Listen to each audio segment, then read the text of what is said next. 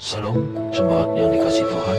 Hari ini kita kembali lagi mengikuti refleksi Gema Sebelum kita memulai mari kita bersama-sama membaca Alkitab sesuai teks dalam Gema Dan membaca Gema hari ini. Tuhan memberkati. Shalom Bapak Ibu yang terkasih di dalam Tuhan. Mari kita bersama-sama bersatu di dalam doa sebelum kita bersama-sama merenungkan firman Tuhan. Bapak di dalam kerajaan surga kami bersama-sama memohon kepada Engkau Waktu kami membaca dan merenungkan firman-Mu, kami rindu bahwa kami dapat memahami dengan utuh. Kami juga boleh melakukan kebenaran firman Tuhan seturut dengan apa yang Tuhan katakan. Kami memohon berikan kami hikmat-Mu ya Tuhan, supaya kami dapat memahami dengan baik dan juga tentunya kami memiliki hati yang boleh dibentuk oleh Engkau. Kami menyerahkan untuk waktu ini ke dalam tanganmu. Demi nama Tuhan Yesus Kristus kami bersama-sama berdoa. Amin. Bapak Ibu Saudara sekalian hari ini kita akan bersama-sama merenungkan dari Amsal pasal yang ke-19. Khususnya kita akan membaca di ayat yang ke-16 dan juga ayatnya yang ke-23.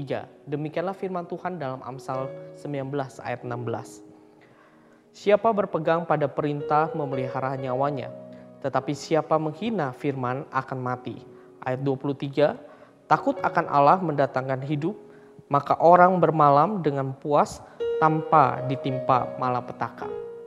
Bapak Ibu Saudara sekalian, waktu kita menjadi orang Kristen, ternyata kita akan menemui ada banyak aturan-aturan yang perlu kita ketahui dan kita jalani. Misalkan saja, waktu kita masuk di dalam sebuah komunitas, maka kita perlu melakukan sebuah aturan, yaitu untuk saling mengasihi, saling menjaga, saling peduli satu dengan yang lainnya. Begitu pula sebagai orang Kristen, waktu kita menikah, kita pun juga perlu untuk menjalankan sebuah aturan di mana kita hidup bersama dengan pasangan untuk tidak bercerai. Dan kita pun juga di dalam keluarga, kita juga harus melaksanakan sebuah aturan di mana anak menghormati orang tua, orang tua juga harus mendidik anak-anak untuk menjadi pribadi-pribadi yang takut akan Tuhan. Nah, Bapak Ibu Saudara sekalian, mengapa aturan-aturan itu harus ditaati? Dan bagaimana memaknai sebuah aturan yang ada di dalam Alkitab? Bapak Ibu Saudara sekalian, tentu dua pertanyaan ini perlu kita renungkan dengan baik supaya kita tidak menjalani kewajiban agama saja tetapi aturan-aturan itu kita lakukan sebagai perwujudan ketaatan kita kepada Tuhan. Nah Bapak Ibu Saudara sekalian di dalam kitab Amsal khususnya ayat 16 yang tadi kita baca di sana dikatakan siapa berpegang pada perintah memelihara nyawanya tetapi siapa menghina firman akan mati. Bapak Ibu Saudara sekalian perhatikan kata perintah di ayat 16 Kata perintah bisa juga berarti hukum. Dan di dalam kitab Amsal, Bapak Ibu Saudara sekalian, hukum adalah sebuah ajaran atau nasihat tentang karakteristik untuk memiliki kehidupan takut akan Tuhan. Di sinilah kitab Amsal mengingatkan kita bahwa orang yang memelihara atau memegang kepada hukum adalah orang yang paling beruntung. Sebab dia sedang memelihara nyawanya. Nah Bapak Ibu Saudara sekalian, analoginya seperti ketika kita berjalan sedang mengendari kendaraan. Waktu kita mengendari kendaraan, di dalam perjalanan kita menemui banyak rambu-rambu lalu lintas. Nah Bapak Ibu Saudara sekarang rambu-rambu lalu lintas itu adalah sebuah tanda untuk membuat kita memahami perjalanan kita ke depannya. Kapan perjalanan ke depannya itu treknya itu lurus ataupun sedang turun ataupun sedang mendaki rambu-rambu itu menolong kita supaya di dalam perjalanan yang kita lakukan itu kita tetap dalam keadaan selamat. Nah Bapak Ibu Saudara sekalian begitulah aturan-aturan yang ada di dalam Alkitab firman Tuhan. Hukum atau peraturan itu muncul atau diberikan oleh Allah supaya kita tetap mempunyai nyawa atau hidup. Nah Bapak Ibu Saudara sekalian ternyata Tuhan Yesus juga pernah mendorong para muridnya untuk menaati perintah Tuhan. Nah, kira-kira apa tujuan Tuhan Yesus melakukan demikian?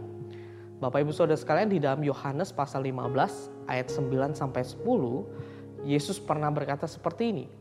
Seperti Bapa telah mengasihi aku, demikianlah juga aku telah mengasihi kamu. Tinggallah di dalam kasihku itu. Jikalau kamu menuruti perintahku, kamu akan tinggal di dalam kasihku. Seperti aku menuruti perintah Bapakku dan tinggal di dalam kasihnya. Nah Bapak Ibu Saudara sekalian di dalam ayat ini sangat jelas bahwa Tuhan Yesus meminta murid-muridnya untuk taat agar mereka mengalami keuntungan lebih dahulu. Yaitu tinggal di dalam kasih Tuhan. Nah Bapak Ibu Saudara sekalian menaati seluruh perkataan atau firman Tuhan adalah cara Tuhan untuk membuat anak-anak Tuhan bisa tinggal di dalam kasih Tuhan. Dan ketika mereka tinggal di dalam kasih Tuhan, mereka dapat merasakan sukacita penuh dari Tuhan. Nah Bapak Ibu Saudara sekalian sama seperti orang tua yang membuat banyak peraturan sebagai pagar bagi anak-anaknya. Aturan itu seperti pagar supaya anak-anak itu memiliki kehidupan yang baik dan berbahagia. Demikian pula sebenarnya perintah Tuhan di dalam kehidupan kita. Perintah Tuhan itu adalah sebuah pagar supaya hidup kita itu tetap di dalam kasih Tuhan. Maka Bapak Ibu Saudara sekalian ada dua pertanyaan penting yang menjadi reflektif kita. Apa perintah Tuhan yang selama ini sulit untuk Anda taati? Pertanyaan yang kedua, apakah Anda sudah memaknai perintah tersebut sebagai pagar dari Tuhan? Kiranya Tuhan menolong kita untuk boleh melakukan aturan atau perintah Tuhan itu. Mari kita menjalani segala perintah Tuhan itu dengan sukacita dan kita boleh meminta pertolongan Tuhan. Amin. Mari kita berdoa.